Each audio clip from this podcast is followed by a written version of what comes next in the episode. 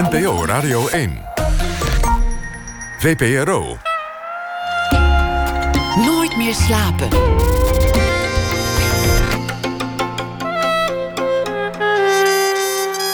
Met Liesbeth Staats. Goedenacht en welkom bij Nooit meer slapen. Straks na half twee hoort u het hoorspel half uur. Dus na ons programma. In Nooit meer slapen brengen we na ene weer een onterecht vergeten klassieker onder de aandacht in onze maandelijkse serie Lees Days. Deze keer bespreken we de roman Houthakken uit 1984 van de Oostenrijkse schrijver Thomas Bernhard. En dit uur zit tegenover mij Ellen van Loon, architect en de enige vrouwelijke partner bij het internationaal gerenommeerde bureau OMA in Rotterdam. Ze werkte eerder onder andere aan de Rijksdag in Berlijn, het gebouw van de Chinese, Chinese Staatstv in Beijing, renoveerde het hoofdkantoor van de Rothschild Bank in Londen en ontwierp het grootste gebouw van Nederland in Rotterdam, om maar een paar projecten te noemen. Maar de opdracht voor de renovatie van het Haagse Binnenhof liep spaak. Deze zomer kreeg Van Loon te horen dat ze van de klus werd afgehaald. Slotstuk van een uiterst moeizame relatie met de Tweede Kamer zelf. Ik vocht tegen schimmen, zegt ze daarover. En de Kamer wilde liever een likje verf. De parlementariërs zelf spreken van megalomane plannen en grootheidswaanzin. Vannacht praten we over architectuur, de Nederlandse cultuur en haar jeugd als schipperskind. Maar ook nog even over het gedoe. Welkom, Ellen van Loon. Goedenavond. Goedenavond, goeienacht. Oh, goeienacht. Ik las uh, vorige week in NRC dat je zei...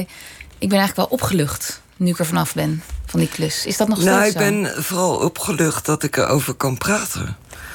Uh, ik heb natuurlijk... Uh, is natuurlijk op een gegeven moment door de geheimhouding... enorm veel gedoe ontstaan. En ik was natuurlijk in de situatie geraakt... dat dat wat in een krant werd gelezen... dat dat eigenlijk tot waarheid werd verheven. En ook als oordeel over het gehele project. Zonder dat ik natuurlijk mezelf iets kon vertellen over het project. Ja, want die geheimhouding, dat moeten we even uitleggen. Dit project, de, deze hele renovatie, dat moest geheim blijven. Dat Ja. mocht niet gedeeld worden met uh, de Kamerleden zelf of met uh, de pers. Waarom Ja. was dat? Ja, in 2015, toen het kabinet besloot om uh, op deze manier de Tweede Kamer of het hele Binnenhof te gaan renoveren, uh, hebben ze bepaald dat het uh, project geheim werd verklaard. En dat is tot op zekere hoogte, denk je dan van ja, geheim verklaard. Dat heeft natuurlijk ook een logische kant. Want ja, het is natuurlijk een beveiligd gebouw. We weten allemaal de gevaren van deze tijd. Dus, maar ik. Maar het, die geheimhouding bij dit project strekte zich heel erg ver.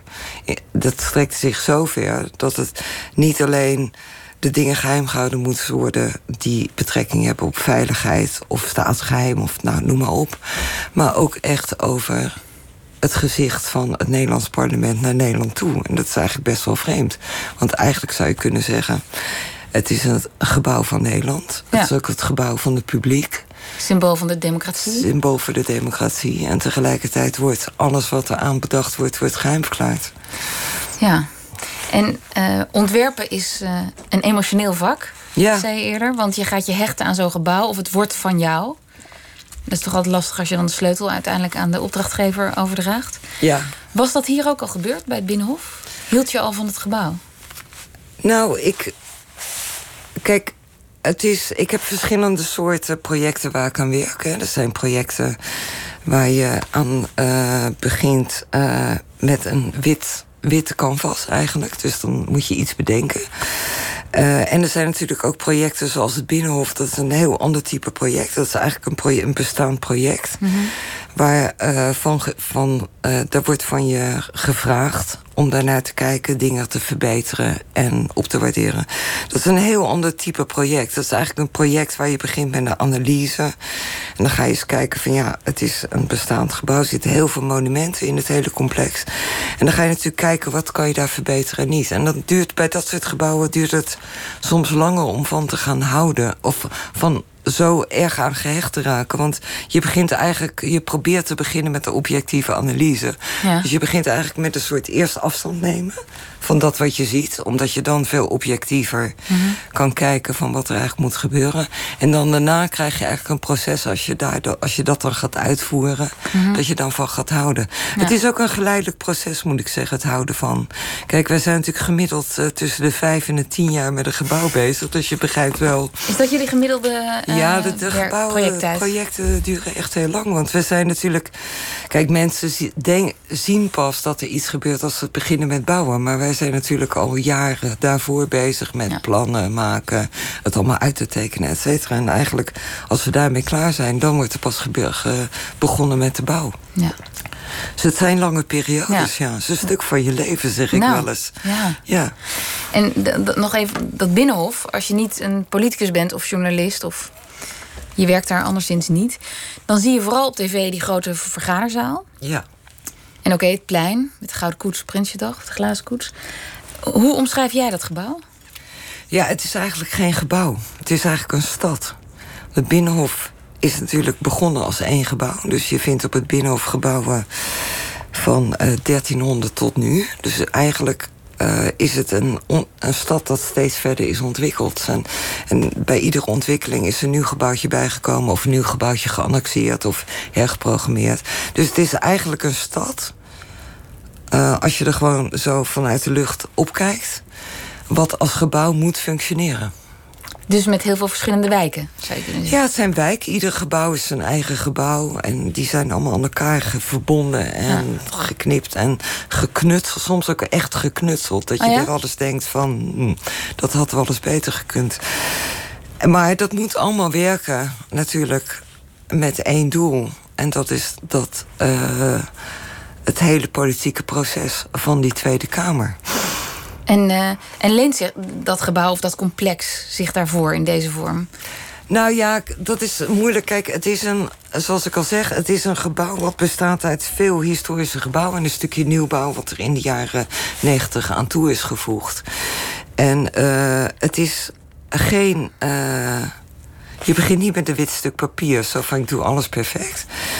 Maar het charmante tegelijkertijd is natuurlijk wel dat al die enkele gebouwtjes waar dat gebouw uit bestaat, mhm. vertelt een stukje van de geschiedenis van onze democratie. Dus het is ook geen gebouw wat in alle facetten uh, perfect is. Maar het feit dat het gebouw bestaat uit zoveel verschillende stukjes maakt het ook een historisch gezien een heel rijk gebouw.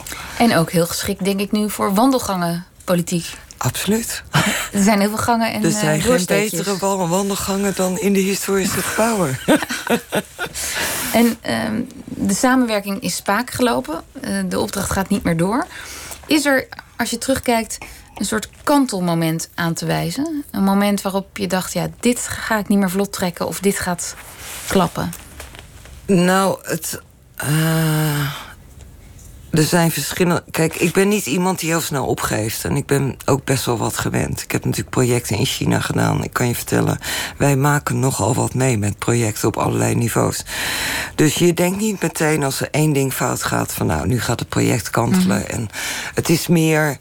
Het is een periode. Als er voor de eerste keer iets begint, denk je van oké, dit is een probleem. Dat moeten we gewoon oplossen. Uh, maar in dit, in dit geval was het eigenlijk een soort uh, er kwam iets, popte iets op en dat raakte in een stroomversnelling. En het was eigenlijk een heel bizar verhaal. Want en wat dat, gebeurde dan heb je het over, ja, over dat, dat was dat beroemde artikel in het AD... waarin ons plan werd afgeschilderd als uh, megalomaan. En dat was een heel vreemd moment, want er was op een gegeven moment... Een, door die geheimhouding uh, nou ja, er had natuurlijk iemand gelekt. Ik bedoel, ik weet niet wie er gelekt heeft, maar... Weet je dat inmiddels niet? Nee, mensen... Nee, daar heb ik geen...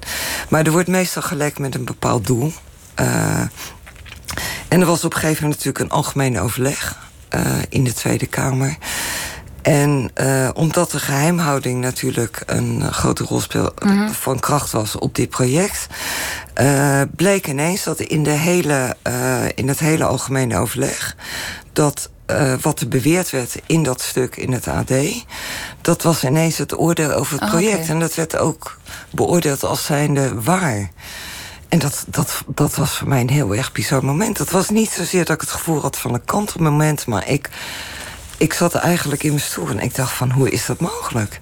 Hoe is het mogelijk dat... Uh, een citaat in de krant nu... Dat een citaat in de krant het oordeel velt over het hele project. Terwijl het project een heel complex project is. Het is een heel groot project. Uh, bij dit project komen wel duizenden facetten kijken. En het ene wat eruit werd gehaald was die ene palmboom. En wat voor mij natuurlijk ook daarbij bij nog heel erg bizar was... is dat natuurlijk duurzaamheid was een van de speerpunten. Ja, want die palmboom die, die, had je, uh, die werd geciteerd. Dat zou dan de tropische binnentuin worden.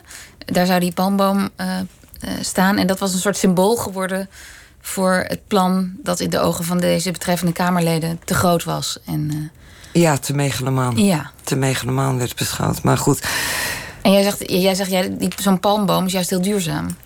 Nou eh, ja, kijk, ten eerste was het zo, wij zaten aan het begin van een ontwerpfase. Dus je, kijk, je begint als architect, leg je eerst ideeën voor en dan later ga je die uitwerken. Dus mhm. ik was nog helemaal niet aangekomen bij het moment of dat het nou een palmboom moest zijn of een loofboom of nou ja, een een of andere andere plant. Kijk, mij ging het er alleen maar om. Ik vond het belangrijk dat dat bepaalde stuk, dat was waar vroeger de oude gracht liep rondom het Binnenhof. Historisch belangrijk element.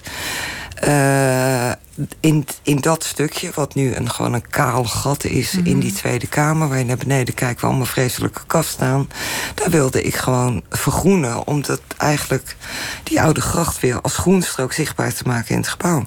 En het enige wat ik met het beeld wilde, eigenlijk wilde uh, laten zien, is om het gewoon groen te maken. Maar om alleen maar te communiceren, het lijkt me een goed idee om het groen te maken. Het ging me helemaal niet om of de palmboom, nou ja, wat voor plant het dan ook was. Maar dat werd de tropische binnentuin in de beeldvorming. Dat was de tropische binnentuin, ja. En de geheim... Nou, tropische kantoortuin. Kantoortuin. En die geheimhouding speelde je erg parten in het proces. En dan was er ook nog een ander element, namelijk het motto sober en doelmatig. Ja. Dat, dat, was dat eigenlijk vanaf het begin al een doelstelling? Ja, sober en doelmatig. Ik heb ook eens teruggekeken naar de ontwerpperiode uh, van de 90 jaren. Toen eigenlijk het eerste grote Eerste grote verbouwing, waar een aantal historische gebouwen zijn afgebroken... en daarvoor een nieuw stuk is gekomen. En het viel mij op dat ook in die tijd al de woorden sober en doelmatig werden gebruikt. En uh, dat was natuurlijk het motto in deze, in deze renovatie. En je, en je zag ook wel in de pers dat gezegd werd... ja, die palmboom is megalomaan, dat past niet in het beeld van sober en doelmatig.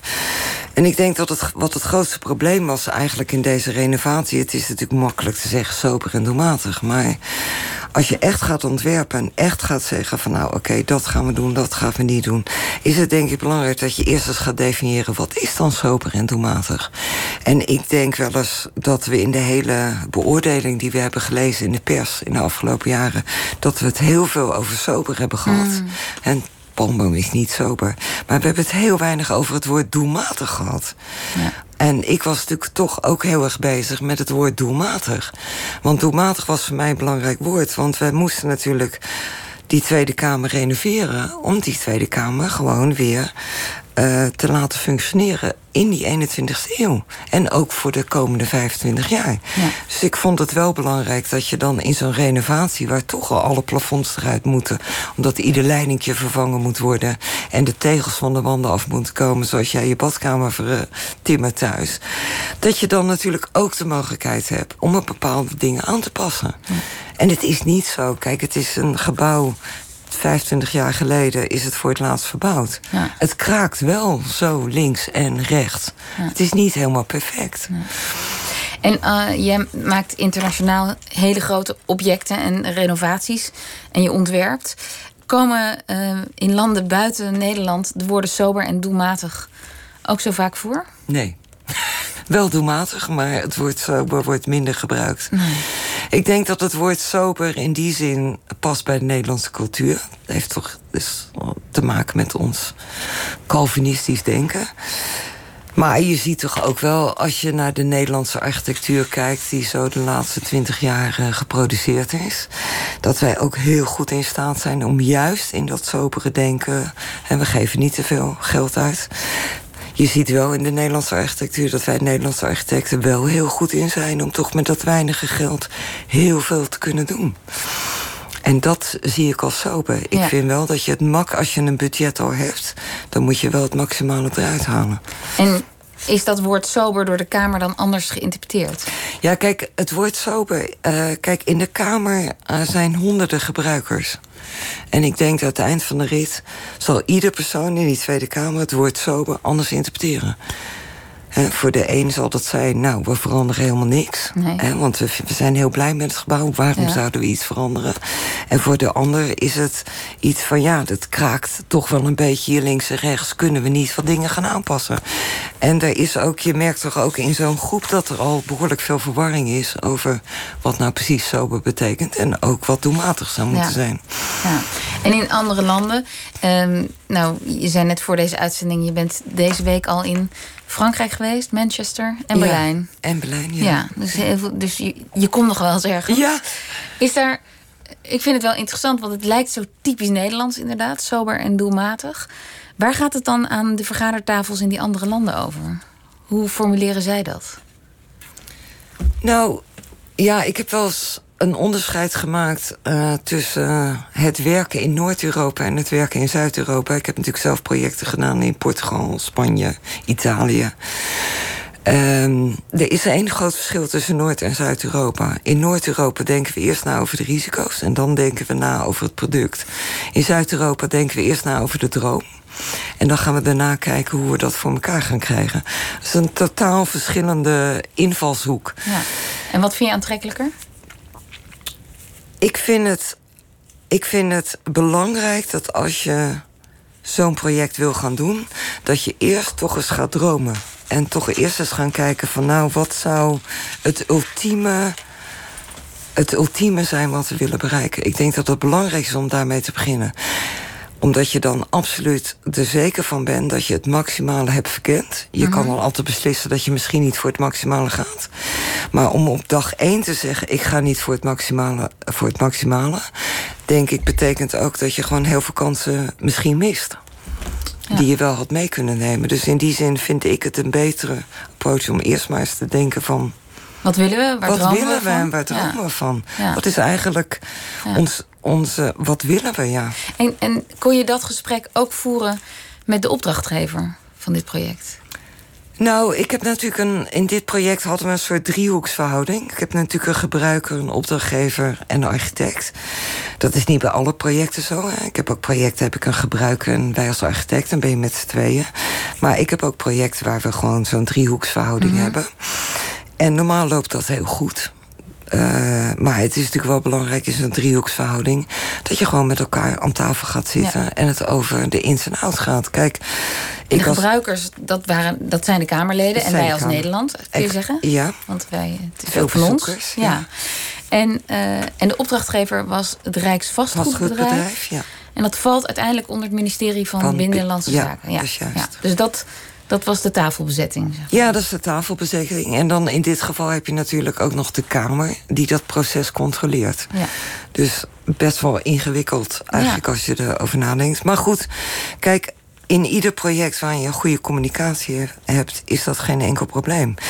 En ieder project waar ik als architect kan communiceren. Dus mhm. niet alleen met die partijen, maar gewoon mijn verhaal kan doen. Mhm. Van nou, dit is het gebouw. Is dat allemaal geen enkel probleem? Want ik ben, een, ik ben een heel nuchter persoon, kan ik je vertellen. Ik, ben, ik droom natuurlijk van mooie dingen, want dat is mijn vak. Maar ik ben tegelijkertijd ook heel nuchter. Ik kan heel rationeel, rationeel nadenken. Ik bedoel, als een opdrachtgever zegt, ik wil X, omdat dan en dat beter is, mhm. begrijp ik dat. Ja. ik zeg alleen maar iets als ik denk van nou, misschien zie je dat fout. Misschien kunnen we dat ook zo doen. Maar was er ruimte aan die tafel? Ik visualiseer nu eventjes die driehoeksverhouding aan tafel. Om te zeggen, Zullen we eerst eens dromen en, en uh, naar de horizon kijken? Wat het kan, zou kunnen zijn? Nou, heel ging het meteen al over. In het begin van het proces. Ja, in het begin van het proces was dat zo. We zijn natuurlijk begonnen met een structuurontwerp. Nou, dat betekent ook in structuurontwerp. Dan ga je gewoon eens analyseren, kijken wat je kan verbeteren. Ik heb natuurlijk een programma van eisen gekregen van de gebruiker en van de opdrachtgever. Uh, waar met allemaal wensen die mhm. daarin staan, die, waar ik iets mee moet gaan doen. Dat heb ik meegenomen. En ik heb natuurlijk in die eerste fase heb ik gewoon voor alle problemen of alle oplossingen waarnaar gezocht wordt, heb ik natuurlijk verschillende voorstellen gedaan. En dat, moet, dat is normaal voor een architect die zegt van nou ja, dit probleem kunnen we dan dat doen. En ik heb natuurlijk ook een aantal dingen gepresenteerd waarvan ik vond van nou, dit zijn nog allerlei extra's die je kan doen. het is eigenlijk een soort menukaart waar je dan gewoon met elkaar in discussie gaat van ja, dat wel, dat niet. Er zijn toen aan het eind van die fase gewoon hele duidelijke keuzes gemaakt van nou, dat willen we wel doen en dat willen we niet. Maar goed, er was natuurlijk ook een wens om meer ruimte te gaan maken. Er was een wens om bijvoorbeeld een nieuwe, nieuwe zaal te maken. Zo'n zaal die iets kleiner is dan de plenaire zaal, maar is best een groot volume. En die zaal die kon alleen maar gemaakt worden als er gewoon extra gebouw bijgebouwd werden. En toen schrokken een aantal mensen zo van: oh, we hebben eigenlijk iets opgeschreven op papier. Maar dat betekent een wens. En die is er ook wel echt. Want nou, je leest mhm. zelf de krant, er is een stuw meer aan werk. Ja. Er is meer ruimte nodig. Maar ja, toen kwam ineens de realisatie, toen ik liet zien wat dat betekent om die grote zaal daar te leggen of daar. Ja, je kan hem dan of boven de plenaire zaal leggen of daarna. Maar in alle voorstellen betekende dat ik we moesten gaan uitbreiden. En uitbreiding, dat paste niet in het sober en doelmatig. En daar schrok de gebruiker van, van ja, oh jee, we hebben eigenlijk iets opgeschreven wat eigenlijk niet past bij het sober en doelmatig. En waarom hingen zij zo aan sober en doelmatig, denk je? nou, ik denk dat er. Kijk, het punt is natuurlijk zo'n verbouwing van zo'n parlement. Dat kost geld, hè? Er wordt al over 475 miljoen gesproken. Nou, dat is natuurlijk een heel groot bedrag. Mm. Nederland vindt daar ook iets van, hè? Uh, er, mag toch zeker geen speelzucht zijn aan de kant van de politiek, et cetera. Mhm. Dus ik begrijp dat allemaal wel. Het enige is denk ik wat we ons niet realiseren... dat die 475 miljoen is natuurlijk een, een groot bedrag... maar dat bedrag is voor de hele operatie van het Binnenhof. Dus betekent even, alle gebruikers, Eerste Kamer, Tweede Kamer... Raad van State, Algemene Zaken... die moeten eerst uithuizen naar tijdelijke huisvesting. Dat moet eerst verbouwd worden. En dan moeten ze weer allemaal terug. Dat moet ervan gebeuren, van dat hele bedrag. Ja, en waar de politiek natuurlijk angst voor heeft, is van ja, dat, dat ze gewoon niet goed omgaan met dat geld. want de doelstelling is, nou, we gaan dat doen, want ik, eh, techniek moet veranderd worden, et cetera. Dus ze willen gewoon niet de indruk wekken dat ze gewoon te veel geld hebben uitgegeven dus aan dingen die constant aan de achterban. Wat zal ja, de achterban constant aan de publieke opinie en de achterban. Ja. Daar gaat het heel erg over. En uh, als je nu terugkijkt, hè? Nou ja, ja. Het, is, uh, het is nu voor jou afgelopen daar. Ah, met dezelfde omstandigheden. Zou je dingen anders hebben aangepakt? Ik zou ten eerste niet hebben ingestemd met de mate van geheimhouding waar ik mee moest instemmen om deze mhm. opdracht aan te nemen. Begrijp wel, als iemand zo'n zo'n opdracht aanbiedt, is het moeilijk om nee te zeggen als architect. Ja. Maar als me dat nog een keer aangeboden geboden zou worden met deze, dit niveau van geheimhouding, zou ik daar niet mee instappen. En ik, maar ik moet je ook zeggen, op de dag dat ik zei van nou oké, ik ga dat doen, ik stem hiermee in, had ik tegelijkertijd ook niet verwacht dat het tot dit, dat we zo zouden eindigen. Want ik had daarvoor natuurlijk ook aan de Rijksdag gewerkt. In Berlijn? Ja, en de Rijksdag was ook een enorme verbouwing. Uh, was daar ook geheimhouding? Ja, tot op zekere hoogte. Maar niet volledig. Maar er was ook een veel transparantere communicatie met alle gebruikers. Want bedenk wel, kijk, door die geheimhouding was natuurlijk ook de organisatie intern heel erg beperkt opgezet. Ik had een kleine groep van de RVB. Er was een soort gedachte van, nou, door de geheimhouding is iedereen weet alleen maar dat op niet-no basis. Dat is oh een soort uitgangspunt bij geheimhouding. Maar ook in, bij de, aan de gebruikerskant waren natuurlijk maar twee kleine groeperingen die zich bezighouden. Ja, met, die met meelazen en meekeken. Ja, mee, eh, deze, de, de voorgestelde plannen beoordelen. Maar, dat is maar de Rijksdag in Berlijn was natuurlijk wel een andere tijd ook. Het was, een andere jaren tijd. 90? Ja, maar minder dreiging of minder... Nee, in Duitsland was toen die dreiging al heel erg groot. Kijk, in die tijd, uh, qua, qua beveiliging... Uh, is denk ik nog steeds de Rijksdag uh, ongeëvenaard. Daar kan ik natuurlijk niets over zeggen, want over beveiliging mag je niet praten. Maar Duitsland was natuurlijk een land wat gewend was aan terrorisme. Mm -hmm. Dus die hadden een hele andere geschiedenis. Bij ons is dat, in Nederland is dat pas veel later gekomen.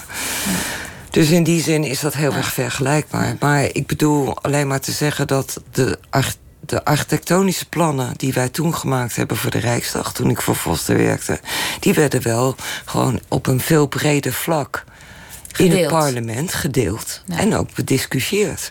En ik denk ook dat het belangrijk is in, in zeker voor een gebouw voor de Tweede Kamer. Dat je dat zo breed mogelijk bediscussieert. Die Kamerleden zeiden ook ja, want op een gegeven moment kregen we een pak papier. Of een, een, kregen we de presentatie van de plannen. En toen voelden we ons een beetje overdonderd. Of wat duizelde ons. We konden niet meer inhalen wat alle stappen waren geweest. Nee. Nee, en dat, dat zeg ik. Ja, nou, dat was in dit geval ook ook best ingewikkeld. Want het is natuurlijk een heel groot complex.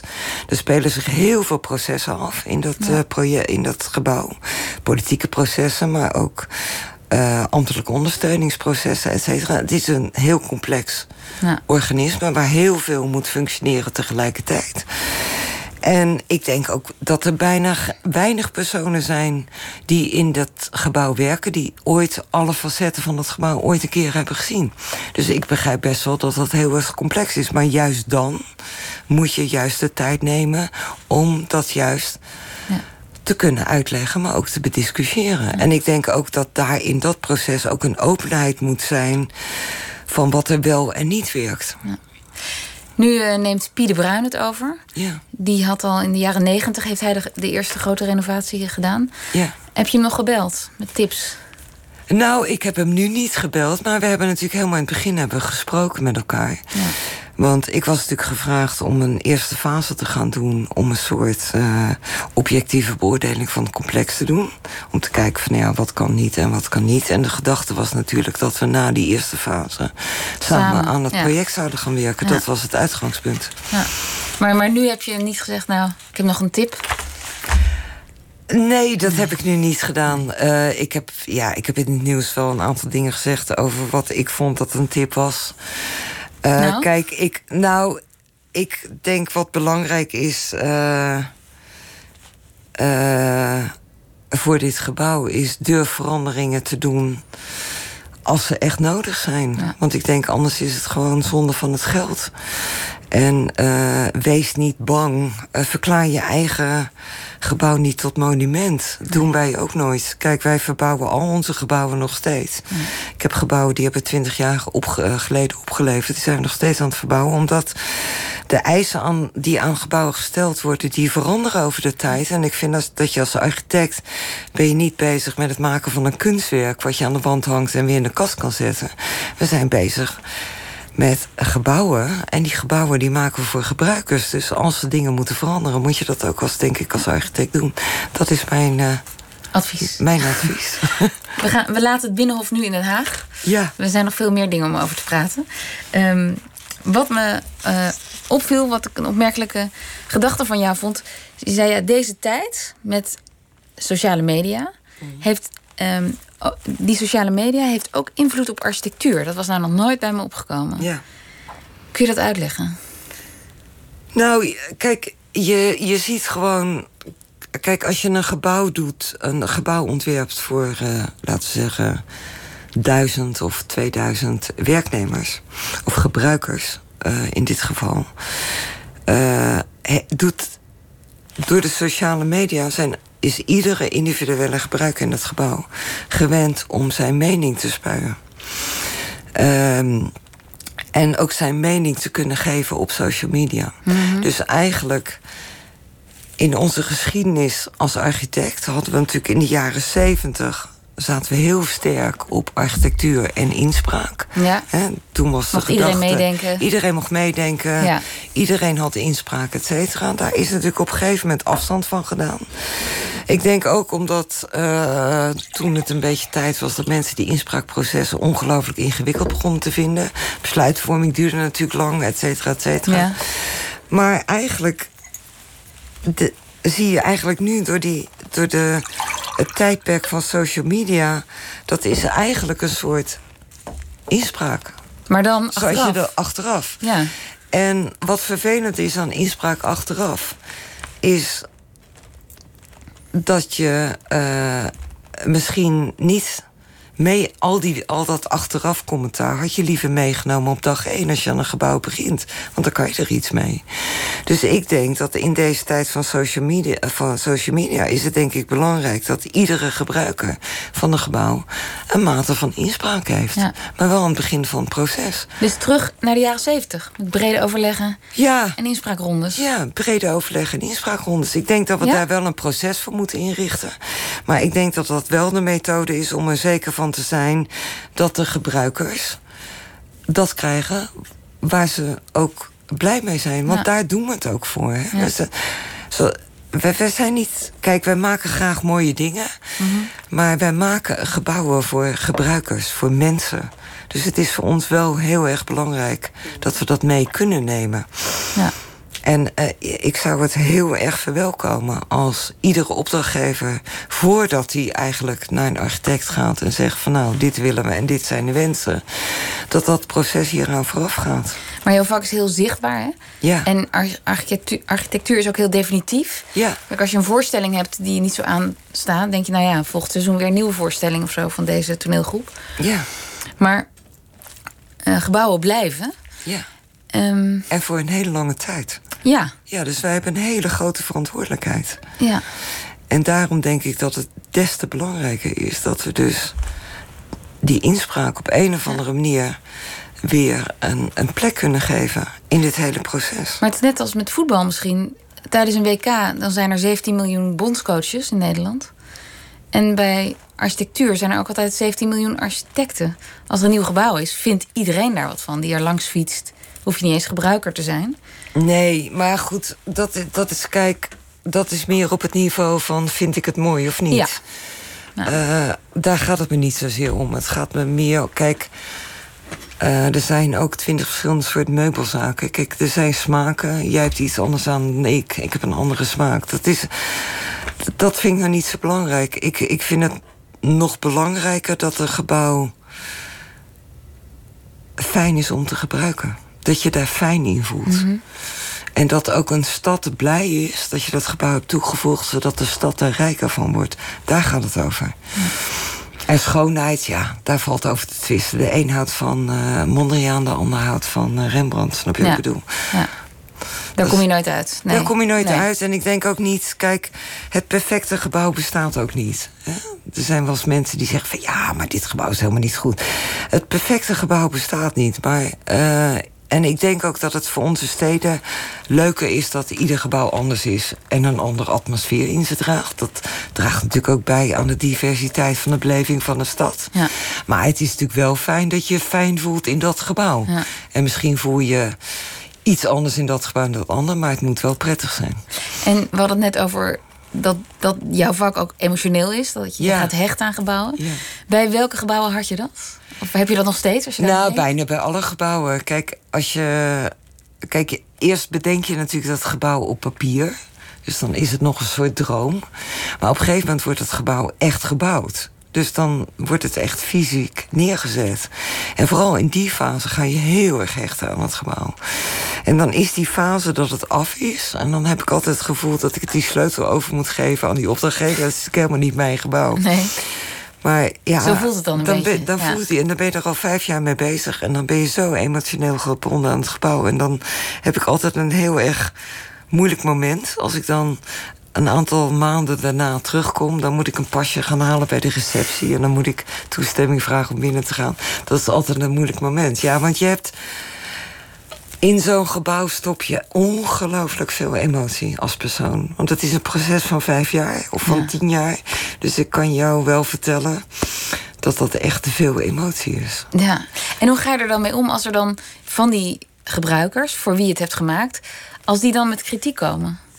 Nou, dan ga ik altijd in gesprek. Ja. En als die kritiek eh, echt.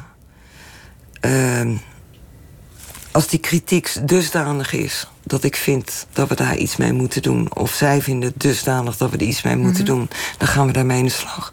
En dat eindigt meestal dat we nadat we een gebouw af hebben gemaakt en geopend hebben, dat we tien jaar daarna nog steeds aan het gebouw werken. Ja, ja. Maar dat is voor mij heel normaal. Ja. Kijk, we hebben ook aan de ambassade in Berlijn gewerkt, maar ja. de gebruikers wisselen daar nogal vaak. Want de meeste mensen die in ambassades werken... die wisselen iedere vier jaar uh, van baan. En het levensduur van een gebouw is 25 jaar. Sommige gebouwen zijn 50 jaar. Dus je begrijpt wel dat ook als de gebruikers wisselen... zijn er soms ook andere ideeën of andere wensen... of andere uh, eisen. En dan gaan we daar gewoon mee aan de gang. Bij... En, en uh, ik denk nu aan de Rijnstraat 8 in Den Haag. Het gebouw van twee ministeries wat jullie hebben ja. gebouwd. Toen kwam de kritiek van de gebruikers zelfs in de krant. Ja. Wat doet dat dan met je? Nou, ik denk, wat, uh, kijk, bij Rijnstraat... Uh, nou, dat doet heel veel met me. En we zijn natuurlijk nu in gesprek met alle gebruikers. Ik kan je zeggen, heel erg intensief. Maar dat was toch wel een beetje mosterd naar de maaltijd. Want kijk, uh, dit, dit project was een aanbesteding. Mm -hmm. Ik kreeg een bijbel van een aantal honderd pagina's... waarin exact beschreven stond wat we moesten maken. Tot en met hoeveel stoelen, hoeveel stopcontact... hoeveel kamertjes, hoeveel open werkplekken. En wie had die bijbel in dit geval geschreven? Een Rijksvastgoedbedrijf had dat, had dat geschreven. En in zo'n contract... Uh, moet je gewoon doen wat er geschreven staat. Daar word je ook op afgerekend. Je krijgt gewoon punten en dat is een prijsvraag. Je zit met drie partijen, word je beoordeeld en dan komt een winnaar uit. En alle drie die partijen hadden dat natuurlijk gewoon gedaan. We hebben die prijsvraag gewonnen. En wat bleek achteraf? Wat achteraf eigenlijk bleek, is dat dat programma wat zij hadden geschreven... dat paste helemaal niet bij de hoeveelheid medewerkers... die überhaupt in het gebouw moesten gaan ja. werken. Dus je begrijpt dat het gebouw was te klein, te krap... en het kraakte aan alle kanten. En, ja, en dat was voor ons natuurlijk vreselijk. Want ik had zoiets van, ja, uh, ik heb een programma gekregen. Staat exact beschreven wat ik moet maken. Ik was niet eens... Ik mocht niet eens iets anders maken. Want dat kon niet? Dat nee. kon gewoon nee. niet. Daar werd je op afgerekend, min of meer. En... Nou, en er werd heel veel over geklaagd. En toen dacht ik bij mezelf, ja, dat is natuurlijk ook bizar. Uh, we moeten een ministerie gaan maken, voor, eigenlijk voor drie gebruikers uiteindelijk. Wie waren die derde? Uh, we hebben zaken? immigratie, oh, ja. uh, INM. En, ja, infrastructuur, milieu. infrastructuur, milieu en... Immigratie. En buitenlandse zaken. Ja. En uh, ja, daar bleek ook uit dat er eigenlijk überhaupt niet met die gebruikers was gepraat. Nee. Wat ze nou precies wilden. En die, die eisen, dus er werd natuurlijk geklaagd over bepaalde dingen die niet goed functioneerden. Maar die eisen die zijn nooit meegenomen in die dikke bijbel die nee. ik kreeg en die ik moest uitvoeren. En gaat dat ook wel zo in andere landen, dat je zo'n bijbel van tevoren krijgt? Uh, bij de Rijksdag hebben we dat ook gehad. Maar bij de meeste andere projecten krijg je niet zo'n strikt vormgegeven. Uh, bij de meeste gebouwen uh, die wij maken voor gebruikers beginnen we met een analyse samen met de gebruiker. Van nou, wat ja. hebben jullie nodig? En dan maken we zelf een programma-analyse. En dat, die programma-analyse en die inspraak van gebruikers... dat is eigenlijk een proces wat op dag één begint... en op het laatste dag eindigt. En we proberen iedere keer, iedere week, iedere maand... Ja. zijn er gesprekken over... oké, okay, moeten we dat niet aanpassen? Is dat niet beter als we dat corrigeren? En dat ontwikkelt zich eigenlijk ja. tot het einde. En, dat, en in zo'n proces weet je ook zeker... dat je dan alle eisen die je gebruiker heeft mee hebt kunnen nemen. Omdat je continu ook de vrijheid hebt om zo'n programma aan te passen. Dus de starheid van zo'n contract, van oké, okay, dit is het en dat moet je doen. Ja. En eigenlijk mag je dat helemaal niet veranderen. Ja, dat is natuurlijk eigenlijk helemaal geen goede zaak. Als ik jou zo hoor, is het nog wel leuk om in Nederland te werken? Ja, tuurlijk. Ik heb in Nederland ook hele leuke dingen gedaan. En ik bedoel, en ik moet je zeggen, het Rijnstraatgebouw, daar hebben we natuurlijk veel discussie, ook weer in het nieuws, et cetera. Heb ik wel eens van gezegd, ik had het liever dat we gewoon samen aan tafel gingen het keer ja. bespreken. Dat hebben we natuurlijk ook veel, dat doen we nog steeds. En dat hebben we ook gedaan, ook samen met de RVB, om die dingen aan te passen. Dus dat loopt. Maar ik heb natuurlijk ook G-Star gedaan en de Rotterdam. En ik heb de kunsthal nog verbouwd een aantal jaar geleden. Ja, ik kan je zeggen, dat waren hele leuke processen. Maar vloeiende processen. Ja, goed zo. En uh, OMA in Rotterdam, dat is het bureau waar je partner bent. Oh. Wat is de ambitie? Schenk jezelf bij, hè? Als je, ja. als je, um, wat, wat, wat is de handtekening van OMA? Hoe formuleren oh. jullie je ambitie? Ik kan je zeggen, dat proberen wij al twintig jaar zelf te definiëren. Het is ons er niet gelukt. Kijk, wij zijn natuurlijk een zeer divers gebouw. Uh, sorry, bureau. bureau. Omdat wij in van alles en nog wat geïnteresseerd zijn. Dus eigenlijk doen we alles wat we leuk vinden. En dat strekt Dat is het criterium? Dat is het criterium, ja. Is het leuk? Ja, ja en dat is ook belangrijk. Uh, sommige mensen zeggen wel eens van ja, dat, dat, klinkt eigenlijk wel heel erg, niet echt heel serieus. Maar ik denk als je dingen doet die je leuk vindt, dan doe je die dingen heel erg goed. Want omdat je ze leuk vindt, mhm. gooi je al je emotie en al je kennis en dan ben je zo toegewijd tot dat onderwerp dat je dan het beste product levert. Ja. Dus ik denk het uitgangspunt, doe wat je het leukste vindt, is voor mij een heel goed uitgangspunt. Maar goed, ons bureau is natuurlijk heel erg divers. We zijn ook geen klein bureau meer. We hebben, acht partners of acht partners. Dus ja, en, hoeveel mensen werken er even voor de. Rond de 300. Ja. Zo'n 300, 350. Dus dat zijn best veel mensen. En, uh, en we zijn een heel gemeleerd, uh, gemeleerde groep. We hebben alle partners hebben. Zijn, alle partners zijn ook anders. Ik ben anders dan bijvoorbeeld een Reinier of Rem. Iedereen heeft andere. Uh, vindt andere dingen leuk. En ik denk dat dat heel erg goed is. Want ik denk dat architectuur ons vak. heel erg breed vak is. We moeten ons met heel veel dingen bezighouden. Ja. En als je dan naar je eigen werk kijkt, zie je daar iets terug wat, wat, nou ja, wat dan jouw handtekening is? Kun jij dat formuleren? Ja, ik laat dat meestal aan anderen over. Het enige, het enige wat ik zou willen zeggen over mijn eigen werk... is dat ik bij ieder project probeer bij nul te beginnen.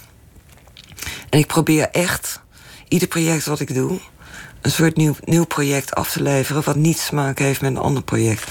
Nou is dat natuurlijk niet 100% zo, want een van mijn lievelingsprojecten waaraan ik werk zijn theaters. Theaters, oké. Dus ik ben inmiddels. Ik heb wel bij mezelf gemerkt dat een aantal dingen die ik uit de theaterwereld heb. in de theaterwereld, uit de theaterwereld heb geleerd, mhm. dat ik die wel meeneem naar hele serieuze gebouwen. Zoals? Nou ja, ik bedoel... Een artiestenfoyer? Een artiestenfoyer. Het, oh, de gedachte dat een kantoorgebouw niet alleen is voor tussen 9 en 6... maar ook s'avonds een functie kan hebben, s'nachts een functie kan hebben... voor bijeenkomsten, theater, noem het maar op. Dus eigenlijk merk ik aan mezelf dat ik... Uh, de levensduur van het gebouw probeer te verlengen. Om ook na te denken wat dat gebouw zou kunnen doen overdag, maar ook s'avonds en s'nachts. Wat natuurlijk eigenlijk. En dan merk je toch dat je dingen gaat mengen. Ja, ik ga nadenken van ja. Als er s'avonds een evenement is aan een kantoorgebouw, bijvoorbeeld bij Rothschild, die hebben een vrij mooie evenementenruimte bovenop het dak met uitlijn, uitzichten over de skyline van Londen. Dan denk ik wel over na als iemand dan s'avonds binnenkomt in jacket of in een smoking hoe moet de verlichting dan zijn? Hoe moet je er binnenkomen? En dan kom je boven. En dat zijn toch allemaal dingen... En die chique bank, zag hij dat zitten? Zo'n uh, theater op het dak? Of een ontvangstruimte? Nou, in het begin helemaal niet. Nee, ze hadden echt zoiets van... nou ja, die ontvangstruimte daarboven op het dak... dat is helemaal niet nodig. We hebben eigenlijk alleen maar behoefte aan meetingrooms, et cetera. Maar ik was zo overtuigd dat ze dit nodig hadden. Want zij organiseren ongelooflijk veel evenementen. Maar dat konden ze nooit in hun eigen gebouw doen. Dat moest altijd ergens anders. En ik had de gedachte van ja, als we gewoon een paviljoen bovenop dat gebouw zetten... met dat waanzinnige uitzicht over, naar die skyline van Londen... Ja. denk ik van ja, dat zou natuurlijk fantastisch zijn... dat je gewoon al die facetten van je eigen organisatie in je eigen gebouw kan doen. Dus daar heb ik heel erg hard voor gevochten. En nou ja, met heel veel discussie. Ja, nou, dat mocht dan wel, maar dat moest dan wel met functioneel zijn. Dat moest toch overdag toch wel als meetingroom gebruikt worden. Dus ik had allemaal ingewikkelde scheidingswanden bedacht met handgeweven kleden erop. Nou, ik heb daarvoor eh, dagen bij het Textielmuseum gezeten in Tilburg om te gaan weven, et cetera, et cetera. Nou, ik kan je vertellen, ik heb de eerste drie jaar... heb ik die panelen nooit gezien, want ze waren zo blij met die ruimte. Die werd voor het ene naar het andere, evenement. gebruikt. Dus zo kan het ook gaan. Dus er zijn ook wel eens momenten in projecten dat ik denk van... een opdrachtgever zegt dat hij niet blij mee is. Maar dan weet ik gewoon dat het goed ding is en dan ga ik er ook voor. Um, de, die de Rothschild Bank in Londen. Je bent nu weer in Engeland bezig. Ja. In Manchester en in Brighton. Wat maak je daar? In Brighton ben ik bezig met een uh, schoolgebouw. voor een college. Dat is eigenlijk een middelbare school. Voor eh, kinderen tussen de 11 en de 19 jaar. Of 18. 18 jaar. En uh, wij maken een gebouw. wat, wat op een hele historische campus staat. De eerste keer dat ik er kwam was een soort Harry Potter wereld. Oh ja? Is het ook een boarding school? Het is deels een boarding school. Dus niet alle kinderen zitten daar in boarding school. Maar ze hebben heel veel buitenlandse kinderen. Dus die zitten daar in boarding school. Maar er staan echt Harry Potter. Het is ook zo'n Harry Potter eetzaal. Met uh, de leraren op het podium. En de kinderen in lange... Het is echt gewoon... Als je daar voor het eerst komt, denk je echt van jezelf van... Oh god, dit hebben wij niet in Nederland. Maar goed, er was de wens om een nieuw groot sportgebouw te maken. Dus met zwembad en sportfaciliteiten gecombineerd met biologie, scheikunde en wiskunde en natuurkunde. Ik vond het een hele interessante combinatie, dus daar hebben we een gebouw van ontworpen. In, uh, in het historisch uh, Brighton. Ja. En, uh, en, en in Manchester? In Manchester zijn we bezig met een, ja, ik zou bijna kunnen zeggen, een experimenteel theatergebouw. Ehm, er is in Manchester een International, International Manchester Festival. Dat is een organisatie die is eigenlijk uh, ontstaan uit Factory Records. Ik weet niet of mhm. je dat kent. Dat is een label uit de jaren 70, 80. Uh, dat is het label waar uh, die eigenlijk Joy Division, dat soort bands, eigenlijk bekend hebben gemaakt. En zij organiseren op to tot nu toe iedere twee jaar een heel groot festival in Manchester. Mm -hmm. En zij proberen in die festivals eigenlijk nieuw werk te creëren. Dus ze proberen bijvoorbeeld hip-hop te combineren met de opera. Dus ze ja. vragen verschillende. Uh, uh, regisseuren en verschillende uh, theatermakers om met elkaar samen te werken en nieuwe dingen te gaan produceren. Nou, dat zijn meestal vrij grote dingen. En zij waren tot nu toe gewend om die dingen te doen. Uh, in dat, tijdens dat festival in eigenlijk uh, leegstaande gebouwen. Ja. Dus dat zijn meestal oude loodsen oh ja. of oude historische gebouwen. Daar heb je er nogal wat van in Manchester. En uh, ja, en ze krijgen nu voor het eerst een gebouw. Maar goed, zij zijn zo gewend om eigenlijk te improviseren en om in bestaande grote hallen dingen te doen.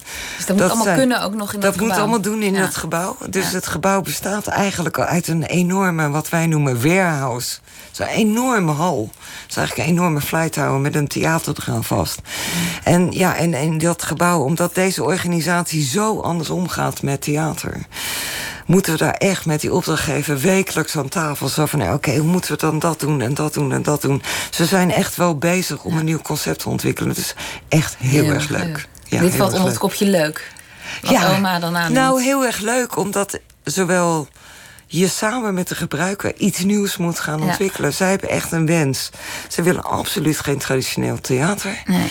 Zij willen een heel erg flexibel gebouw. Ja. Waar alles in kan. Van opera tot hip-hop tot rave parties. Ja. En het is gewoon. Dat is een uitdaging.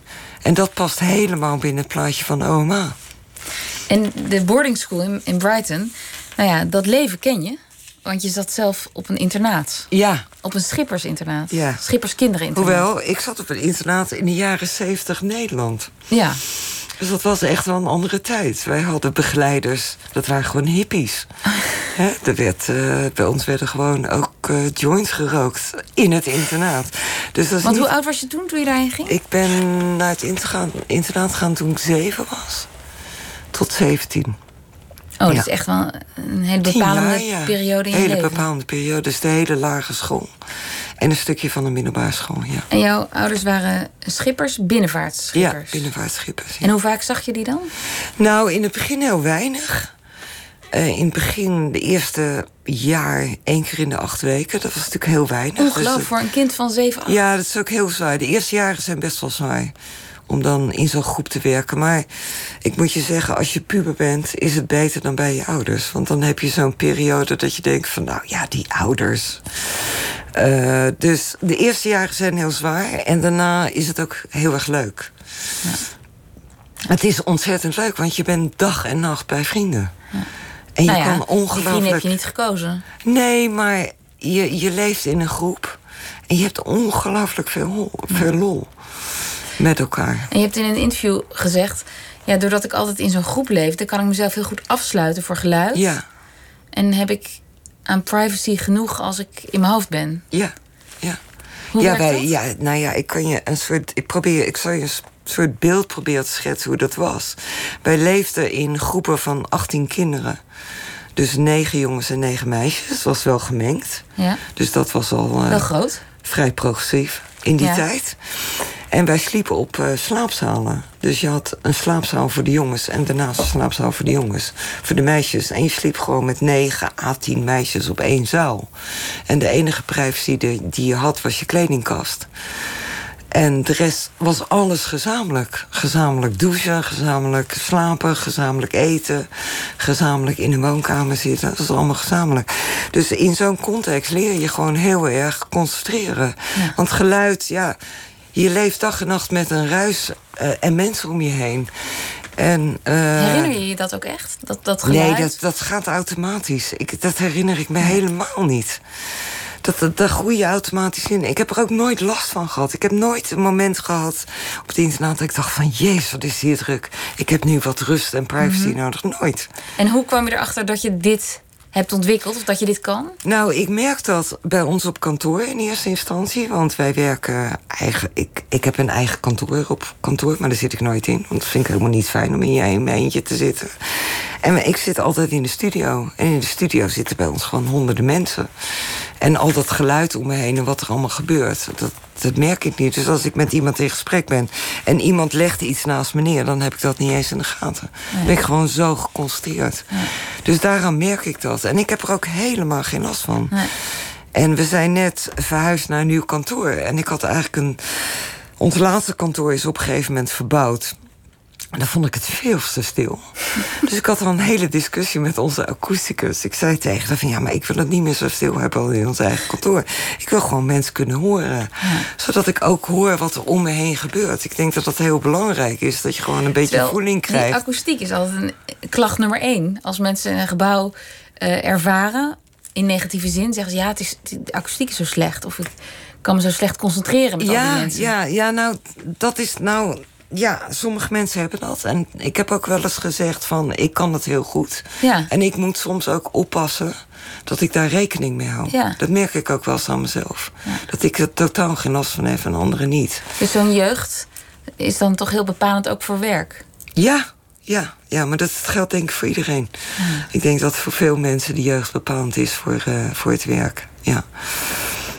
Ja.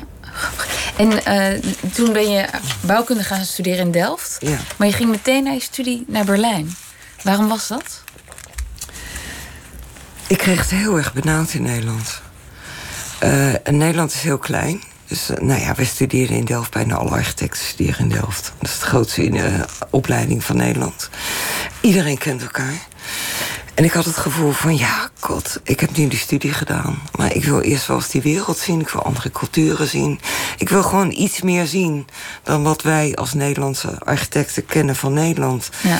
En ook in de context waar wij natuurlijk de opleiding in hebben gehad. Kijk, nu is het vrij normaal dat universiteiten veel internationaler zijn. Er is veel meer uitwisseling tussen universiteiten in Europa. Dat was toen nog allemaal heel nieuw. Dat bestond eigenlijk niet. Dus toen ik klaar was met mijn studie had ik zoiets van... En ik heb geloof ik een paar maanden in Nederland gewerkt, kreeg Spaans benauwd. Ik had zoiets van, ik Oh ja? moet... Ja, ik heb op een gegeven moment mijn koffers gepakt. En ik wilde eigenlijk eerst naar Londen. Maar daar brak de crisis uit. Er werkten de meeste architecten in een restaurant. En niet, eh, hoe konden hun vak niet meer uitoefenen. En in Berlijn was natuurlijk de muur naar beneden gekomen. Dus er was heel veel werk. Dus ik heb gewoon mijn koffers gepakt en ik ben er gewoon heen gegaan. En daar ben ik uiteindelijk... En meteen kon je de Rijksdag eh, verbouwen. Nou ja, ik was van plan om één jaar te gaan. Ik ben eerst begonnen bij een, eh, ja, een lokaal Berlijns bureau... wat er eigenlijk al heel lang zat, ook al voordat de muur eh, omging. En uiteindelijk ben ik aan de Rijksdag gaan werken. Maar zoals ik al zei, ik zat er één jaar... En ik vond het eigenlijk veel te leuk. En toen ben ik uiteindelijk vijf jaar gebleven. En toen uiteindelijk ben ik ook aan de Rijksdag gaan werken. En toen kwam je terug in Nederland. En, en Nee, wat- ik raakte zwanger in Londen, in, eh, in Berlijn. Berlijn. Ja. En ja, en als je zwanger raakt als vrouw, dan krijg je een soort bizar emotioneel moment. Dat heeft niks meer met rationaliteit te maken. En ik, had- ik had dacht van, ik wil terug naar huis. En ik, En vraag me niet waarom, dat gevoel was, was heel sterk. Dus ik heb toen besloten om terug te gaan naar Nederland. Nou ja, en toen werd ik natuurlijk moeder. Mhm. Ik was natuurlijk gewend om in bureaus te werken waar het licht altijd aan is. Ja. S'nachts, lang, s'avonds Iedereen door. gaat door. Nou ja, dan, zit je, dan, zit, dan heb je ineens een baby. En dan denk je, oh jee, dat kan allemaal niet meer. Nu moet ik weer in een bureau gaan werken van 9 tot 6. Dus ik was in Nederland. Ik wist wel na zes maanden thuis zitten met een baby... van nou, dat thuis zitten, dat kan ik niet. Dan moet Nee. ik, dat wordt echt mijn dood, want dat is gewoon te beperkt. Mijn Mhm. hersenen moeten iets te doen hebben. Dus ik ben toen naar, eh, gaan solliciteren bij architectenbureaus in Nederland. En ik ben begonnen bij bureaus waar ze iets meer tijdens reguliere werktijden werken. Tussen 9 en 5, 9 en 6. En ik dacht. En ik had het gevoel van: dit is het niet voor mij. Dit is gewoon te.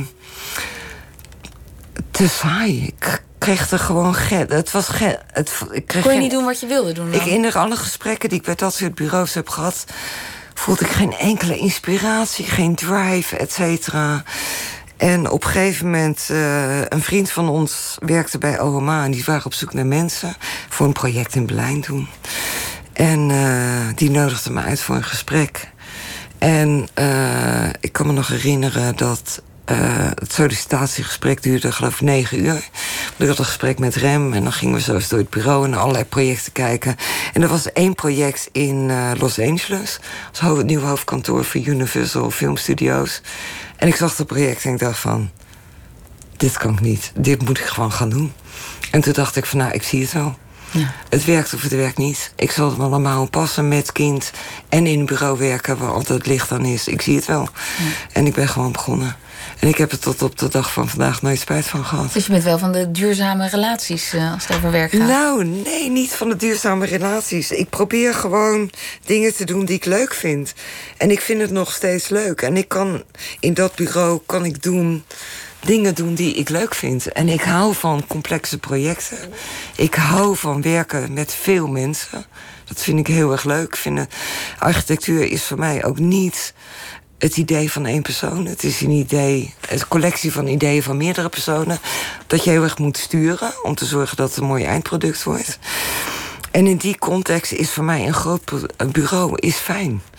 Want daar, dat is een soort machine waar je met dingen mee kan doen. Ik kan met verschillende mensen werken. Ik kan verschillende dingen doen met andere mensen, met andere interesses. En daar ben ik nog steeds niet op uitgekeken.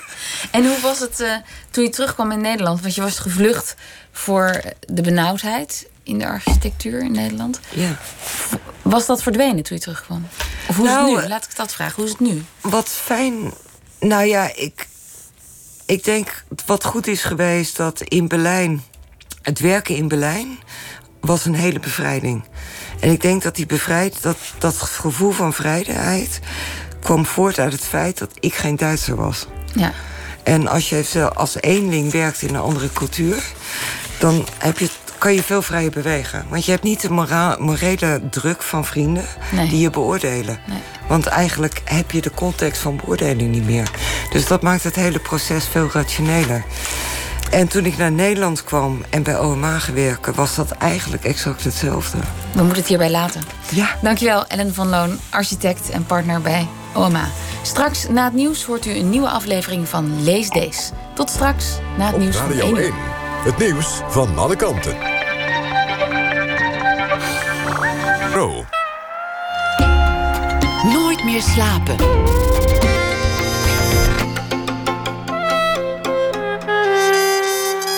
Met Liesbeth Staats. Welkom terug bij Nooit meer slapen. Met de actie Schwab zet het Letterenfonds in samenwerking met boekhandels en uitgeverijen vergeten auteurs in de schijnwerpers. Eens per maand zendt Nooit meer slapen de podcast Lees Deze uit, waarmee de VPRO bij deze actie aanhaakt. Deze keer gaat het over de schrijver Thomas Bernhard en zijn roman Houthakken, oorspronkelijk gepubliceerd in 1984. In Houthakken doet een ik-verteller verslag van zijn waarnemingen, associaties, herinneringen, gedachten en gevoelens tijdens een avondmaaltijd in Wenen. Irene Houthuis en Anton de Goede spreken met vertaalster Pauline de Bok, acteur Jan-Joris Lamers en literatuurwetenschapper Barbara Mariager.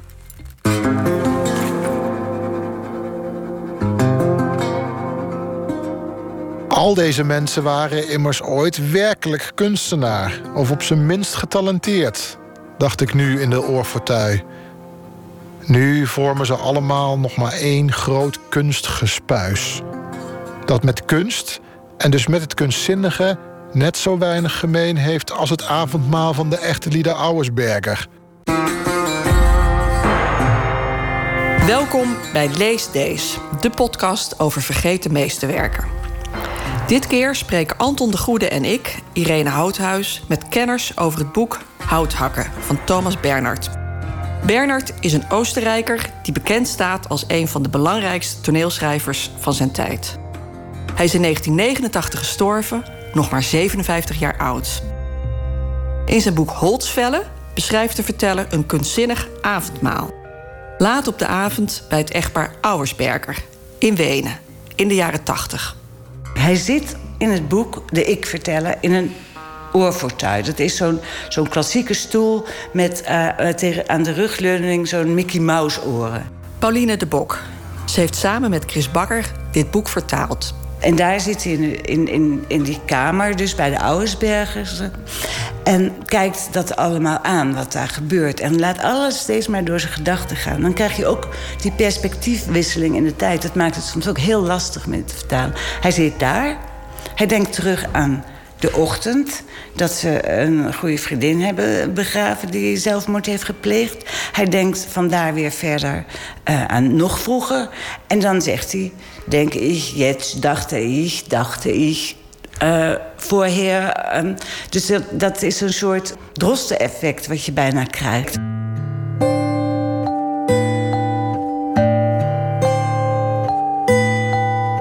Thomas Bernhard was een opvallende persoonlijkheid die bekend stond om zijn provocerende uitspraken over Oostenrijk, de Oostenrijkers en het Oostenrijkse oorlogsverleden. Literatuurwetenschapper Barbara Mariacher, zelf Oostenrijker, is kenner van zijn werk en zijn leven. Thomas Bernhard is wel uh, wat je als Einzelgänger uh, benoemt. Ja? Hij heeft uh, zeer teruggetrokken in zijn vierkanthoeve in Opper-Oostenrijk geleefd. Had alleen samen met een 38 jaar oudere mevrouw, die zijn een soort geliefde of soort moeder was voor hem. Dat was Hede Stavjanicek. En verder was hij wel, kunt u me wel, eh, misantroop noemen. Hij hield niet zeer van gezelschap, eh, van dat wat in Nederland gezellig eh, zou moeten heten. Dat, daar was hij geen voorstander van. Die misantropie, die zwaarmoedigheid. Heeft u als kenner nou eigenlijk een oorzaak daarvoor kunnen vinden? Nou, dat kan misschien met zijn opgroeien samenhangen. Want hij is duidelijk zonder een vaderfiguur uh, opgegroeid, zonder zijn vader. Hij kende zijn vader niet. Hij is opgegroeid met een zeer strenge grootvader, die ook uh, schrijver was, een herkende schrijver in Oostenrijk.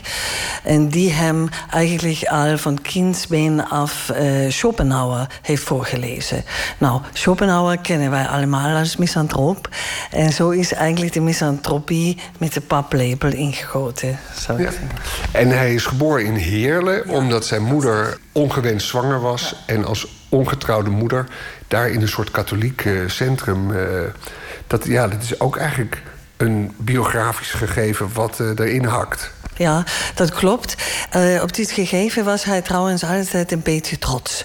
Want hij zei, ik ben aan, aan, aan zee opgegroeid. En hij heeft daar zelf zo'n een individuele mythos daarvan gemaakt... die eigenlijk niet zo klopte zoals hij het tijdens zijn leven vertelde. Nee, want Heerlen ligt niet aan zee, zoals wij allemaal weten. Dat klopt. En hij was ook niet zo lang in Nederland. Zo, uh, hij beweerde meer dan anderhalf jaar, maar het was eigenlijk niet zo lang.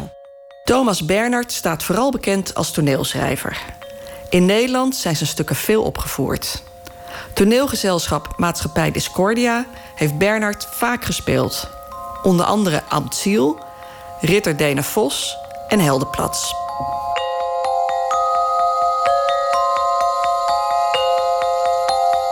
Volgens acteur Vincent Rietveld van De Warme Winkel weet Jan Joris Lamers als geen ander hoe je Bernard moet spelen. Nee, dat, dat, dat is natuurlijk onzin. We hebben negen stukken van Bernhard geschreven, geloof ik. En ik denk dat ik nog steeds niet weet hoe het gespeeld moet worden. Hoe meer je van iets weet, hoe minder je weet wat het, hoe, hoe het moet. Tenminste, hoe minder beslist je bent. Als je heel jong bent en begint te spelen, dan denk je: uh, dit is het. En later blijkt dat er natuurlijk heel veel andere dingen zijn die, die je niet weet. Bernard is de favoriete toneelschrijver van acteur Jan Joris Lamers. Hij kent het boek Holtzvellen goed. Het gaat over een kring van kunstenaars waar hij mee omgaat in zijn jeugd. En dat gaat naar aanleiding van een vriendin die is overleden. Hij beschrijft eerst uitgebreid uh, de, de gang naar het kerkhof en dan weer terug. En uiteindelijk komt hij terecht in een, in een orenzessel, in een, in een ja, zo'n zo, zo, zo raar Engels fortuin, ding. Ja. Ja, zo'n zo'n oor, ja, precies. En, uh, en dan bekijkt hij wat er is overgebleven van, van, van al die idealen. En dat is onvoorstelbaar confronterend. Want iedereen die een klein beetje weet hoe idealen, bij wijze van spreken, heen en terug gaan naar, naar de bron en weer uh, naar boven. Die weet, er zijn zoveel dingen die, waar je later van denkt: hè, wat? Ja, doe ik dat zo? En dan, dan zijn het vaak precies de dingen die ik echt nooit had willen doen. En nooit had willen zeggen en nooit had willen denken. Dus ook al denk je nog zo progressief over iets, dan blijken altijd dingen te zijn die je vasthoudt. Hè? En dat, dat overkomt iedereen. Dat is een uitzonderlijk actueel thema. Ja. Als je kijkt naar sommige nieuwe partijen hier in Nederland. en je ziet dat het terugverlangen naar iets wat echt totaal niet kan. dan, dan zie je dat in dit boek dat heel duidelijk beschreven wordt in, in hoeverre je daarin mee moet gaan en daar tegenin moet gaan. Natuurlijk heeft iedereen nostalgische gevoelens ten opzichte van datgene wat was. He, maar ik kan ook prachtige verhalen vertellen over, over de late jaren 40 in Amsterdam. Toen ik aan de Singel woonde en met de boten die daarvoor schoof. Maar ik, ik, moest ook elke dag teruglopen naar huis. En dan liep ik door de Jordaan. En dan zag ik die onvoorstelbaar catastrofale armoede. En die totale afbraak van die stad vlak na de oorlog. Dat kun je je helemaal niet voorstellen. Het is een stad die er nu fantastisch voor staat. Bij wijze van spreken. Waar de huizen onbetaalbaar zijn geworden. Maar het was toen een redelijke ruïne. Hè? En, en, die dingen lopen tegen elkaar in. Natuurlijk willen we het niet zoals nu, maar we willen het zeker niet zoals toen. Maar dat maakt de verteller wel een hele eenzame knorrenpot. Nee, nee. Dat, dat, dat, met, met veel humor. Ja, ja, ja. Nou ja, god, die verteller is een eenzame knorrenpot, maar dat is een rol.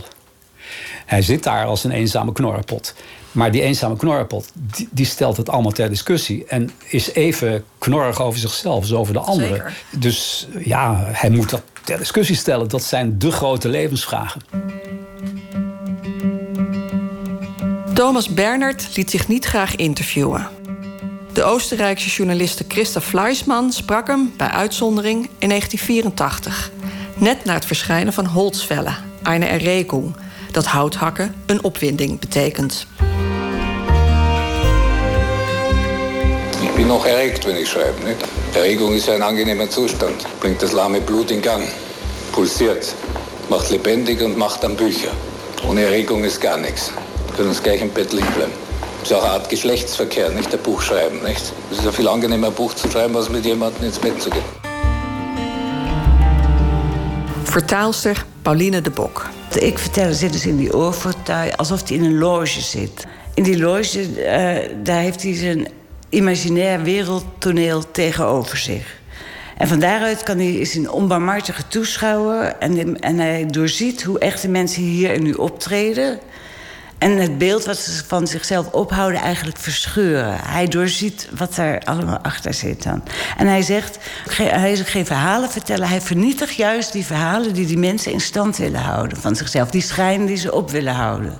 Dat is eigenlijk aan de hand. En juist omdat hij een zoals hij dat zegt, een volledig duistere bühne schetst... komt dat extra sterk naar voren in zijn proza. Want hij zegt ook... het enige interessante aan literatuur... is wat er innerlijk met iemand gebeurt. Want de buitenkant, die ken je immers al. Daar speelt hij dus geen energie aan. Maar dat wat niemand ziet... Dat opschrijven, dat vindt hij zinvol. En dat doet hij dus door ze zo, zo genadeloos uit te lichten op zijn duistere bühne. Terwijl ander proza, he, gangbaar proza, wil zo natuurlijk mogelijk zijn. Hij is een eenling, hoewel hij dus vroeger, dat is want hij is inderdaad grappig, maar vroeger was hij op elk feest um, heel geliefd. Want hij was waanzinnig grappig. Hij was heel spits met taal en hij was scherp en hij was, hij was heel geliefd. En dat heeft hij op een gegeven moment dus ja, niet meer gewild en heeft afstand van genomen. En omdat hij het walgelijk vond, eigenlijk.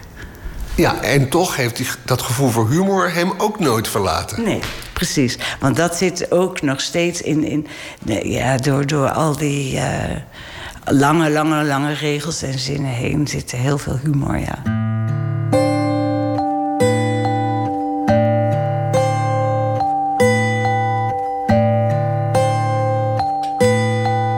Mij fascineerde het fenomeen van de tegenstrijding. Dat betekent dat hij aan de ene kant zet hij de lezer op één spoor, maar de lezer moet nooit uh, daar intrappen. Want uh, twintig bladzijden later zegt hij precies het tegenovergestelde. En dat is een, een literair principe in zijn werk. Als je dat in de, deze structuur hebt, dan betekent dat, dat dat je niet kunt kiezen tussen zwart of wit. Kunt u daar een voorbeeld van geven? Een voorbeeld uh, uit Houthakken is bijvoorbeeld... hij gaat tekeer met de hele Weense kunstenaarsgezelschap. Uh, en aan het eind uh, richt zich dat alles tegen hemzelf. En hij gaat met hemzelf tekeer. Dus alles wat hij over de anderen heeft gezegd is praktisch wat hij over zichzelf moet zeggen. Thomas Bernhard was zeer uitgesproken. Niet alleen over zijn landgenoten, maar ook over het werk van vertalers. Pauline de Bok.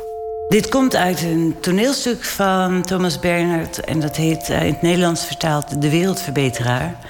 En daarin gaat hij tekeer tegen... of de, je moet zeggen natuurlijk de ik-persoon... gaat tekeer tegen vertalers. Dat gaat als volgt. Mijn traktaat tot verbetering van de wereld is in 38 talen vertaald. Zelfs in het Hebreeuws. De Chinese vertaling is in voorbereiding. Al die vertalers hebben zich steeds weer om hulp vragend tot mij gewend. Maar ik heb ze niet kunnen helpen. De vertaler is niet te helpen. De vertaler moet zijn weg alleen gaan. Ze hebben mijn traktaat verminkt, totaal verminkt. Vertalers verminken de originele. Het vertaalde komt altijd alleen maar als wanstaltig op de markt. Het is het dilettantisme en het vuil van de vertaler dat een vertaling zo weerzinwekkend maakt. Het vertalen is altijd walgelijk. Maar het heeft me een hoop geld opgeleverd. Ja, uh, dit is dus een tekst uit. Het is trouwens een heel bekend uh, stuk, hè, De Wereldverbeteraar van Thomas Bernhard.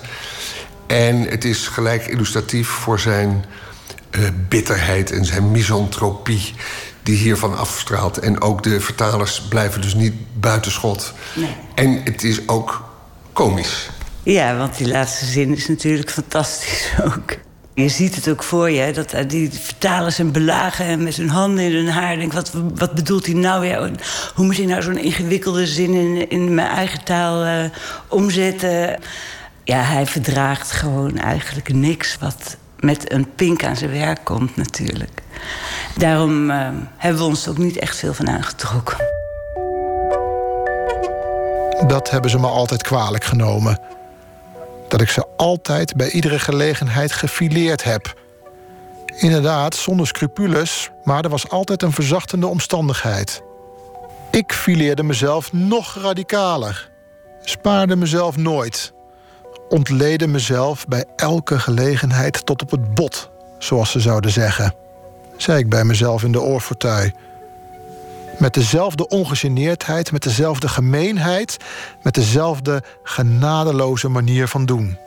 Zo is er van mijzelf altijd nog veel minder overgebleven dan van hen, zei ik bij mezelf.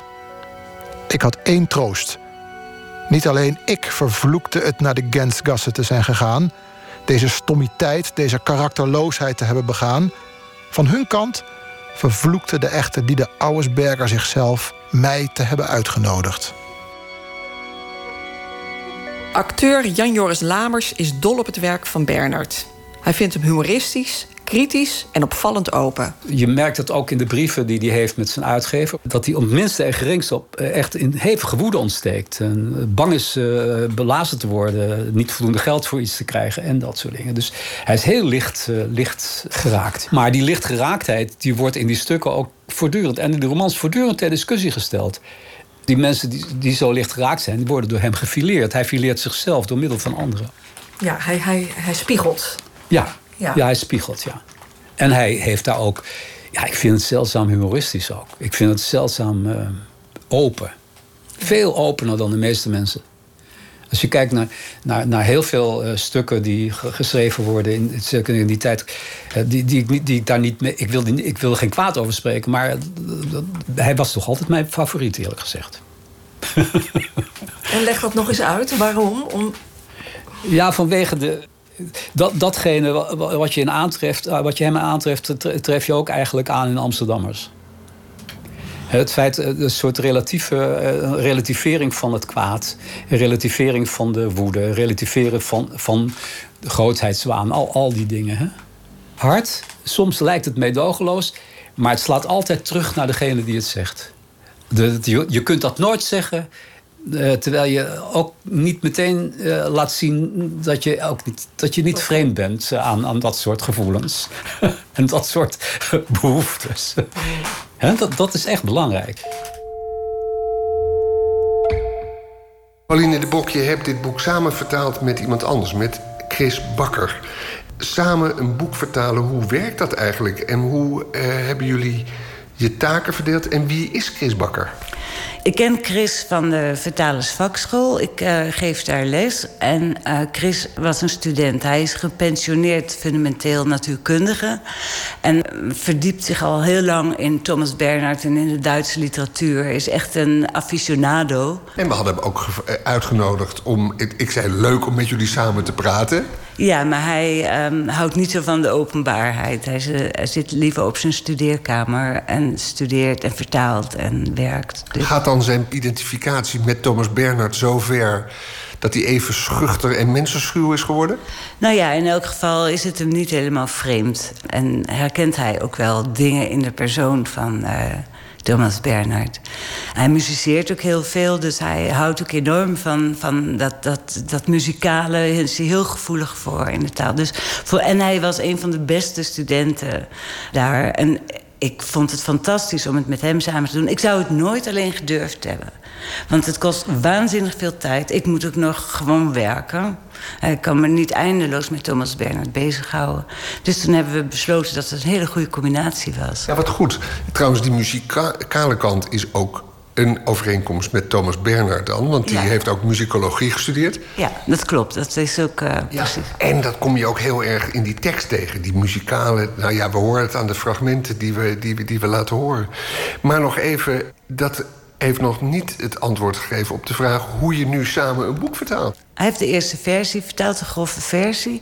En toen is het eindeloos heen en weer gegaan. Toen heb ik één keer doorheen gewerkt. En toen heeft hij, hebben we becommentarieerd. Hebben we dingen. En zo blijven altijd de rest dingen over. We hebben heel strikt bepaald van eh, hoe we een woord vertalen. Want als Thomas Bernhard er één woord gebruikt, zoals uh, widerwärtig, dat hebben wij als weerzinwekkend vertaald. Dan wilden we dat iedere keer zo vertalen. Omdat je dan het mooiste die herhaling krijgt. En normaal denk je, nou, va- varieer je eens een keer. Of dan, als het niet zo nauw komt. Maar we zagen al, dit komt heel nauw. Inderdaad verberg ik mijn afkeer van al deze lieden, ook van de Auersbergerse zelf, helemaal niet, zei ik tegen mezelf in de oorfortuin. Integendeel, allemaal voelen ze dat ik hen verafschuw, dat ik hen haat. Ze zien dat ik hen haat, ze horen het. De echte lieden Auersberger haten me. Ze hadden begrepen, ik was het overhaast uitgenodigde schoonheidsfoutje van dit avondmaal.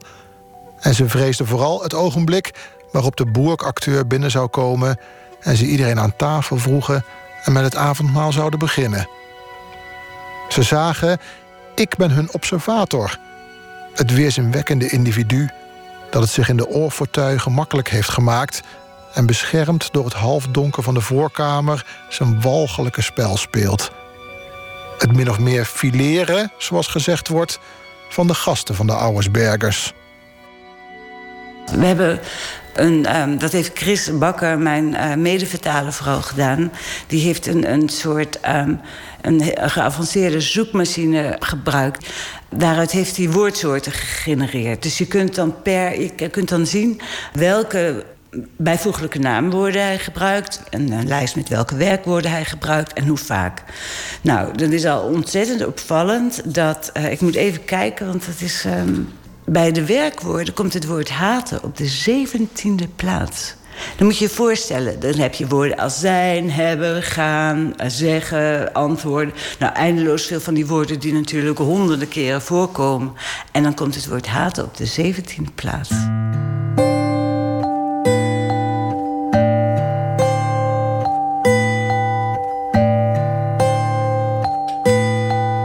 Als je Oostenrijk zegt in Nederland, dan is de associatie, zeker van mensen van mijn generatie, de Anschluss, Nazi-Duitsland. Uh, Oostenrijk was zo fout als de pest. Ja. He, nazistisch. Ja, dat klopt. Dat klopt helemaal. En dat was net zijn puberteit. Ja, dat was zijn puberteit. Hij is opgegroeid met, met uh, heel veel voormalige nazi's, ex-nazi's... die nog in de ambten zaten en regeerden en overal. Dus uh, dat schoolsysteem, de manier hoe onderwijs is gegeven... dat was allemaal nog beïnvloed van het nationaalsocialisme. En ook in de houthakken komt uh, de president van de kunstsenaat komt daarin voor. En die was ook tijdens het nationaalsocialisme was hij bezig en uh, aangezien. Dus uh, Thomas Bernhard was heel goed geïnformeerd over, over de geschiedenis en het omgaan daarmee in Oostenrijk. Hij heeft eigenlijk die hekel aan zijn eigen land, aan Oostenrijk, altijd uitgedragen. Dat ging zelfs zover dat hij in zijn testament liet zitten dat zijn werk niet mocht worden uitgevoerd ja. 50 jaar na zijn dood. Ja, precies. Ook met houthakken gebeurde zoiets. Want uh, de roman is een sleutelroman. Een soort, of is in het begin als sleutelroman begrepen.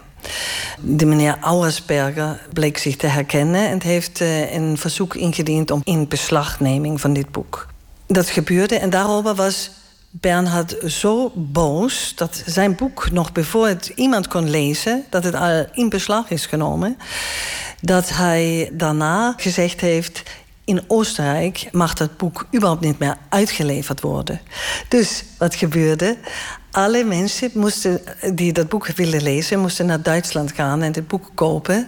En zo is het meest verkochte boek eh, van Thomas Bernhard geworden. 50.000 boeken in de eerste oplage. In de eerste oplage? Ja. Dat, dat liet al zien dat hij eh, zijn weerzien tegen de Oostenrijkse samenleving, die zeer hypocriet was en is. Ja. In Oostenrijk lag je heel erg goed. Dat wil zeggen, iedereen kwam er naartoe. Die zalen zaten altijd stampend vol. En daarna sprak men er schande van. Oostenrijkers, Oostenrijkers zijn dol op schandaal. Dol. Als er iets geen schandaal heeft, dan is het, dan is het langweilig. En, en, en, ja, ik weet niet, er zijn een aantal scheldwoorden voor... die ik niet goed uit mijn hoofd ken, die ik ga doen. Over dingen die keurig en netjes zijn. Okay, ja, een heel ander beeld dat ik van de Oostenrijkers heb. Ja. Nee, ja, in de Wiener Burgtheater daar lopen ze nog steeds woedend weg... tijdens de voorstelling en komen daarna woedend weer terug om te zeggen... is het nog iemand zo? Schreeuwen ze dan naar het toneel. Opwinding en opwinding. ja. ja. ja.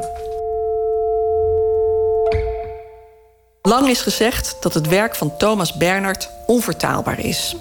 Pauline de Bok. Ik hou me altijd vast aan de uitspraak van Walter Benjamin... die over vertalen een prachtige essay heeft geschreven... waarin hij zegt, elke nieuwe taal voegt ook weer iets aan, het, aan de grondtekst toe... omdat het een hele nieuwe, een hele andere cultuur ook met zich meebrengt. Omdat je nooit één op één kunt vertalen. En dat zou je ook als verrijking kunnen zien. Natuurlijk lijden we als vertalers enorm als we prachtige uh, Duitse zinnen niet zo mooi kunnen vertalen, omdat het Nederlands zich er niet voor leent. Maar anderzijds hebben we altijd weer compensatie dat sommige Duitse zinnen die dan nou ja, niet zo goed zijn. Dat, dat we daar weer iets in brengen wat het ook weer verrijkt. Dus um, ja, ik kijk er liever zo naar. Want je kunt wel iets onvertaalbaar noemen. Maar dan hadden we al die prachtige wereldliteratuur... met z'n allen nooit kunnen lezen. Dus ik vind dat... Nee, helemaal mee eens. En ik, ik ben nu echt zo dicht bij die tekst gekomen... en zo dicht bij Thomas Bernhard... dat ik jullie ontzettend dankbaar ben. Want het had was anders nooit, never gelukt. Nee, dat geldt voor veel mensen, denk ik. Want eh, dat is ook nog met Duits natuurlijk. Mensen zeggen heel vaak van... ja, ik lees het wel in het Duits. Zoals ze dat ook bij Engels zeggen. Bij Engels doen ze het misschien nog. Maar bij Duits doen ze het bijna nooit. En zeker niet zo'n complex werk met zulke schachtelzetsen. Dus van die, van die in elkaar grijpende uh, zinsconstructies en zo. Die moet die moeten vertaald worden. Ja, en dat moet niet de indruk wekken dat het een hele ingewikkelde, zware tekst is, want hij leest als een trein. Ja, dat is, komt door die musicaliteit ook. Als je je dan overgeeft aan het ritme en aan die, en aan, aan, aan die lange zinnen en die gedachten en zo, dat, dan, dan. Je moet het gewoon even hardop lezen. Als je dan hardop leest, wij hebben die vertaling steeds hardop gelezen. Chris heeft het nog aan zijn partner helemaal voorgelezen. Om te voelen of het klopt, of het loopt. Of het, en, en, om er weer van te genieten. Gisteren zag ik hem nog. Toen lazen we weer stukken, fragmenten uh, door. En toen ja, dan zitten we allebei helemaal te stralen en te glimmen. Want het is zo fantastisch. Heerlijk. Dank aan Pauline de Bok en Chris Bakker... die deze vertaling gefixt hebben. Uh, mogen een lang leven beschoren zijn. Ja, dat hopen wij natuurlijk ook.